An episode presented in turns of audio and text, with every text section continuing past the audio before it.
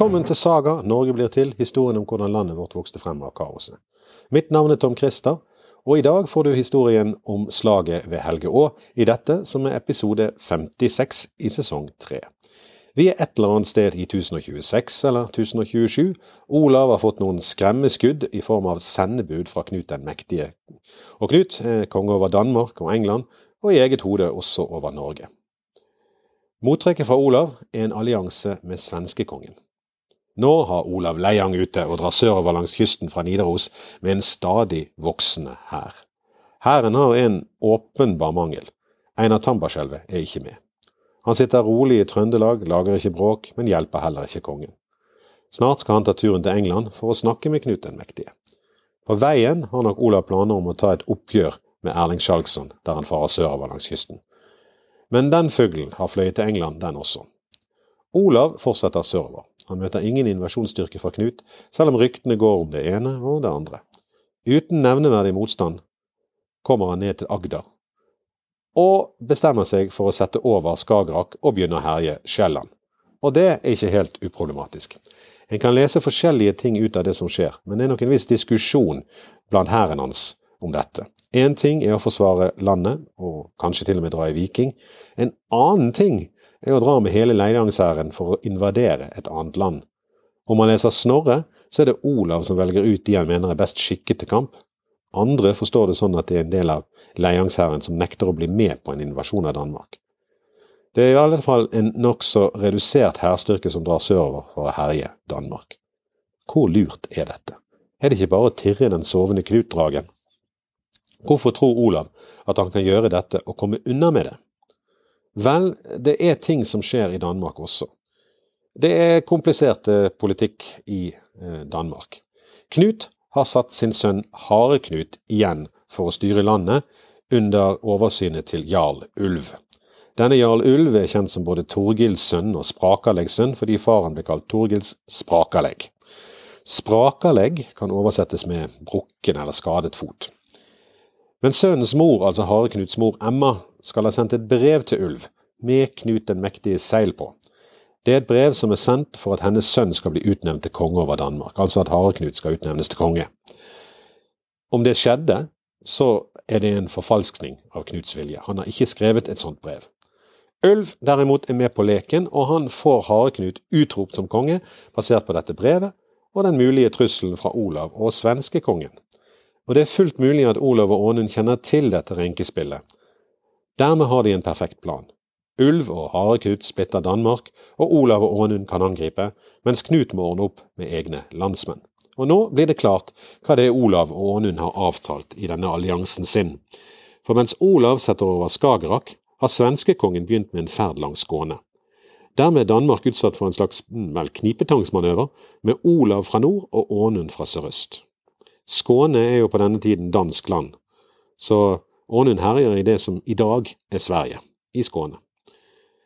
For det som skjer herfra ut har vi mange eh, kilder, men også litt sprikende kilder. Sagaen er én side, de angelsaksiske krønikerne er en annen, og der finnes også et brev sendt fra Knut den mektige på vei hjem fra sin pilegrimsreise til Roma noen år seinere. Det alle er enige om, er at Knut samler en stor hær i England og setter over til Danmark, han seiler den inn Limfjorden. Presset fra tre sider er Ulv den første som kaster inn håndkle. Med Olav herjende på Sjælland, Ånund i Skåne, og de to kongene annonserer nå at de vil ta over hele landet, og Knut nettopp ankommet med den største hæren av de alle, så mister de danske stormennene rett og slett motet og drar for å erklære sin lojalitet til Knut. Hare Knut, altså Knuts sønn, får beskjed om å pelle seg til Knut og be om nåde. Det får han, altså nåde, så lenge han legger vekk kongetittelen. Ulv derimot er litt verre. Han må gi sin sønn som gissel, men får så beskjed om å samle en hær og bli med kongen. Så skal de snakke om forlik seinere. Det høres litt skummelt ut, men Ulv gjør som befalt. Dermed er spillet endret noe. Danmarks styrke sto plutselig samlet. Når Olav hører det, seiler han østover og sammen med svenskekongen herjer han videre i Skånes sjønære områder. De samler seg ved en utløper av elven Helgeå i Hanøbukten, altså der på østsiden av Skåne der landet bukter inn foran dagens Kristianstad, eller Kristianstad, som de kaller det. Historien som så kommer er rimelig fantastisk, så alt må tas med en klype salt. Men salte historier er vår spesialitet, og de er bedre enn usaltede, så her kommer det. De to kongene og deres styrker legger til i bukten. Olav tar med seg sine menn opp langs elven, for han har fått en idé. De begynner å felle store trær og demme opp elven. Det er ikke første gang Olav gjør slikt arbeid. Han har god erfaring med vannkraft. Du skulle nesten tro at han eh, visste hva som kom i Norge noen ca. 1000 år senere. Han kom seg unna Mæleren ved å grave seg ut, og det samme gjorde han ved Kongsheller. Nå gjør han det med motsatt fortegn. Men han har sett hvilke krefter vannet har når det slippes fri. Ved Mæleren bar det skipet hans ut av stengsel, og ved Kongsheller gravde det ut kanalen slik at han kunne seile ut. Nå setter han sin lit til vannkraften igjen. Ånund legger sine skip ut i bukten i trygg avstand fra elven. Når de ser Knuts seil i det fjerne, blåser de til strid med sine horn. Det sendes beskjed opp til Olav og hans folk ved demningen. De gjør nå i stand til at demningen kan bryte sammen. Knut kommer raskt på, og når han ser at nordmenn og svensker har forlatt havnen, legger han mange av sine, skip til i havnen. Det er en feil. Men Knut har en stor hær, dobbelt så stor som Olav og Ånund til sammen. Dermed får ikke alle skip plass i havnen, og det skal han være glad for. Det blir seint på kvelden, så det blir ikke noen kamp den dagen. Olav kommer seg opp til sine skip før demningen brister, og legger seg til med Ånund der ute i bukten. Kanskje undrer noen av menns, Knuts menn på hvorfor det er så lite vann i elven, men sånn er nå elver. Av og til er det mye vann, av og til er det lite. Det er ikke før litt seinere på natten eller tidlig neste morgen at helvete virkelig bryter løs. Langt oppe ved innsjøens utløp brister nå demningen, som Olav har planlagt.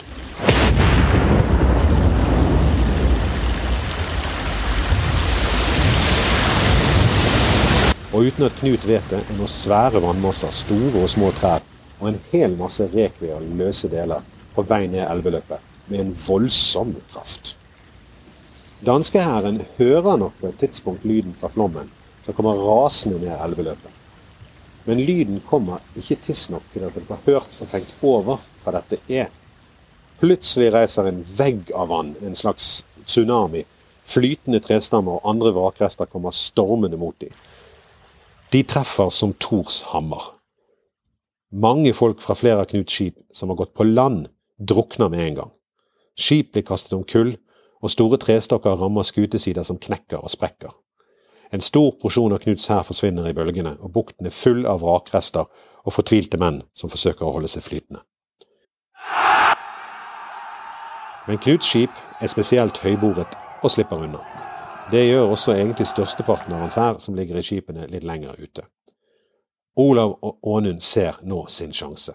I den forvirringen som oppstår, så ser de det store skipet til Knut, og de går rett på det. Kan de kanskje slå ut kongen med ett enkelt slag, og dermed sørge for at Knut forsvinner og hele riket hans forsvinner med han. De angriper kongens skip. Men de samme høye bordene som har reddet skipet mot flommen, gjør også det nå. Nordmenn og svensker kommer ikke til. Deres lavere skip gjør at de kommer ikke til. Som sin far Eirik ved slaget ved Svolder, et slagsted som en nesten kan se over Østersjøen der slaget nå står, er Håkon Jarl også med her. Han har ikke en like sentral rolle som faren hadde, men har gode utsikter om Knut vinner. Etter hvert som forvirringen går over, og Knuts folk ser at Knut er angrepet, strømmer nå Knuts skip til slaget.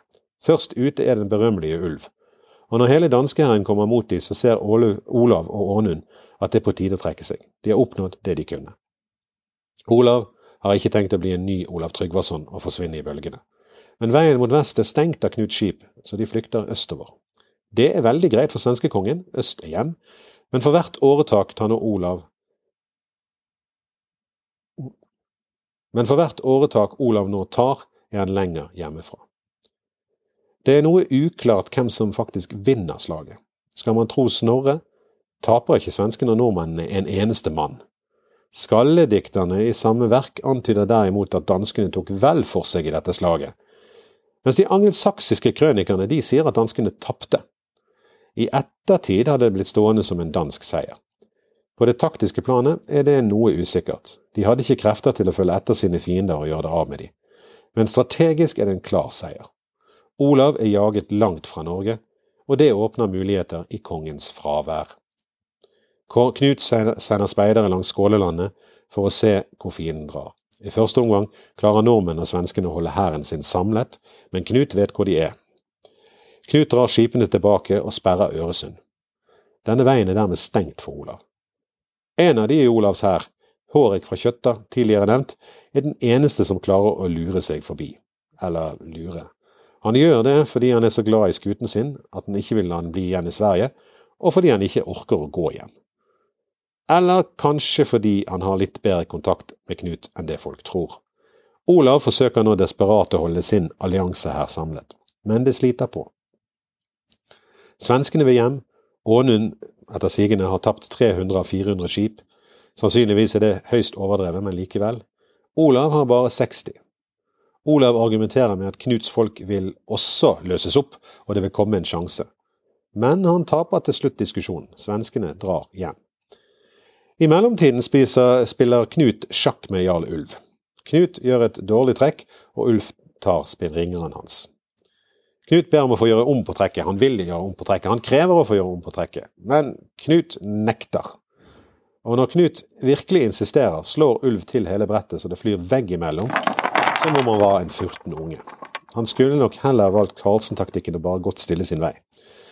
Ulv skjønner nemlig ikke at Knut nå har bedt om å få gjøre det samme som Ulv ba om da han sviktet Knut og gjorde sønnen til konge i hans sted, og siden kom og ba om å få gjøre det om igjen. Ulv går furten derifra, og Knut beordrer han drept, for nå vet han hvem Knut er, hvem Ulv er.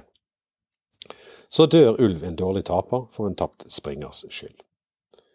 Egentlig er det dette slaget ved Skåne som avgjør saken for Olavs kongedømme. Etter dette blir historien om Olavs mirakler mer fantastiske, og hans regime blir en serie av dødskramper. For Knut benytter tiden godt, han bestikker folk. Han forsøker rett og slett å kjøpe nordmennene. Det går ganske bra. Hans speidere klarer å infiltrere hæren og bestikker selv de som er med Olav nå.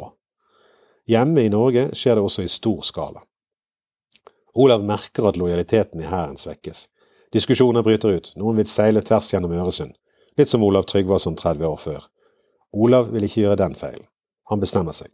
Han sender bytte, gods og skip til svenskekongen i forvaring. Han samler de hester han kan få tak i, og nå går nordmennene tvers over Sverige, gjennom Småland og opp over Jøtaland.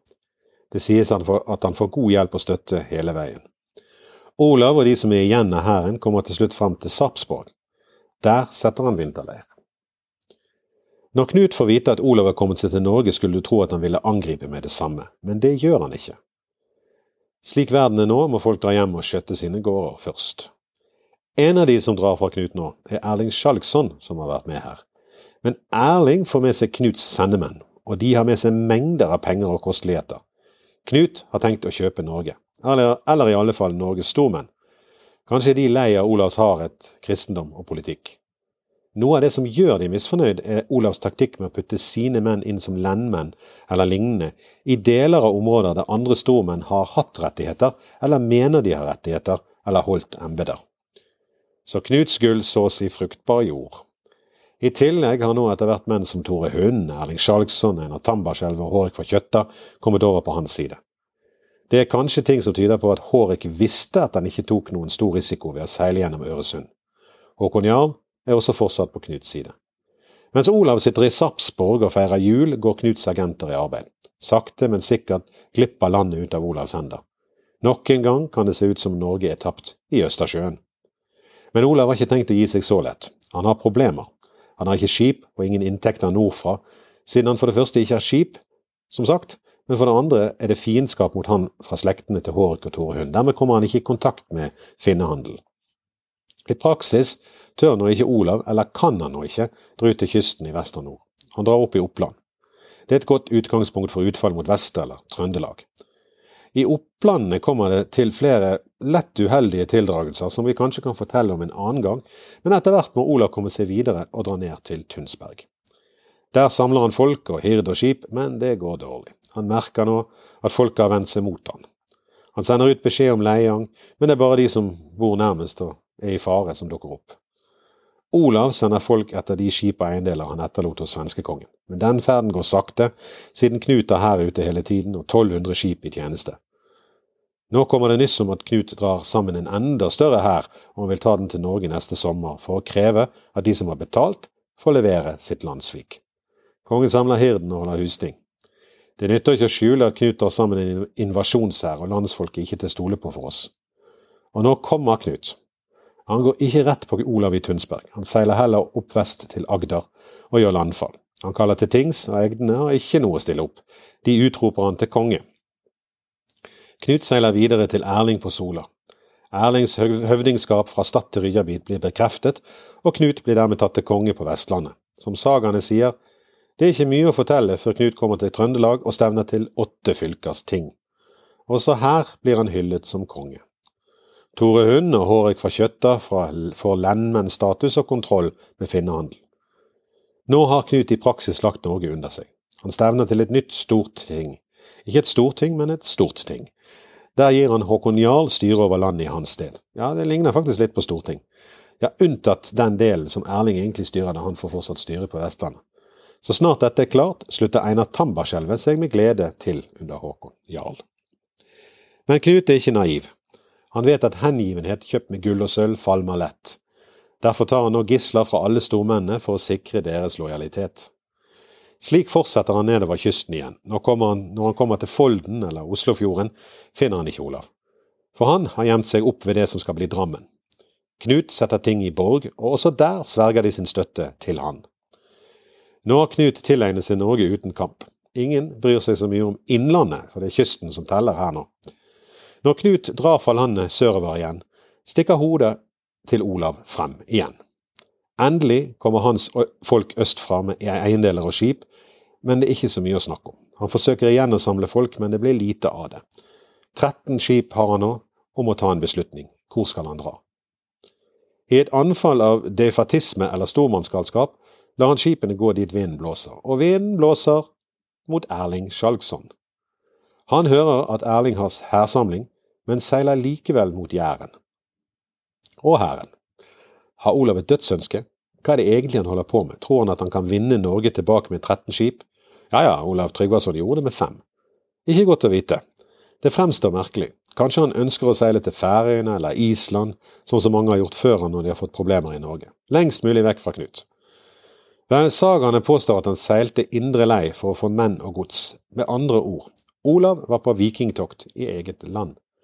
Men Erling hadde fått nyss om at Olav var på vei, så han sendte alle sine menn i skipene. Og utenfor Nord-Jæren får de øye på Olavs skip. Erling og folkene setter etter.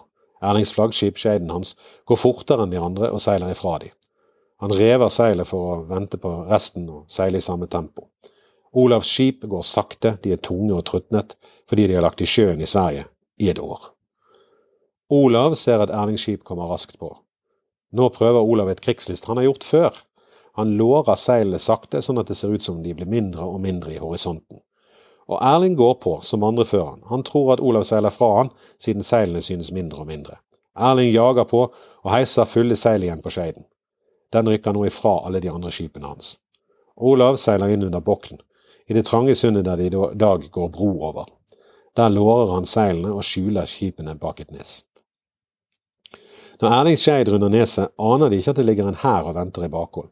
Intetanende seiler de forbi neset. Så roper Olav til, og alle hans menn tar til årene og farer frem mot Erlings skip. Erling lar seilene falle og gjør klar til strid, han er ingen feiging. Men nå er han allerede omringet av kongens 13 skip. Det blir hard kamp, men kongen er på merksodig vis foreløpig i overtall. Han har dårlig tid, for Erlings andre skip er på vei. Så de går vilt på. Det blir et kraftig mannefall på Erlings skip. Ingen ber om grid, og ingen får det og kampen raser i noen minutter. Til slutt er det bare Erling som står igjen mot kongens menn. Erling verger seg godt, så godt at ingen vet om én mann som har stått imot så mange så lenge. I dag vender du åsyn mot, mot meg, Erling, ropte kongen. Åsyn mot åsyn skal ørner hugges, svarte Erling. Vil du gå med til hånde, Erling? Det vil jeg. Det betyr at Erling gir seg. Erling legger ned våpen og hjelm og går fram til kongen. Olav tar øksen. Skal han drepe han? Nei. Han risper han på kinnet. Merkes skal Kongsvikeren. Erling ler ikke et øyenbryn når han blir skåret i kinnet. Og da går det galt. Temperamentet og blodtåken tar over hos en Aslak Fitjaskalle, og han hugger rett og slett Erling ned. Nå hugg du noe av min hånd, Aslak, sier Olav. Det er ikke slik man behandler fanger. Men Olav visste at han hadde dårlig tid, så alle ble bedt om å la fienden ligge der de ligger, og komme seg av gårde. Akkurat da seiler resten av Erlings menn rundt neset. Men når de ser de døde, mister de lysten til kamp, og blir mest opptatt av å ta vare på likene. Olav får seile nordover uhindret. Sammen med sine menn seiler han nå nordover til Stad. Der får han vite at Håkon Jarl har en stor hærsamling i Trondheimen. Akkurat som Erling har hatt det på Jæren. Noen vil ta kampen opp med en gang, og det er en viss kalv Arnesund som helst vil det og egger, men han er en farlig feier som vi skal høre siden. Men det som nå skjer er egentlig at Olavs styrker etter hvert går i litt oppløsning. Kalv seiler hjem, for det blir ingen kamp.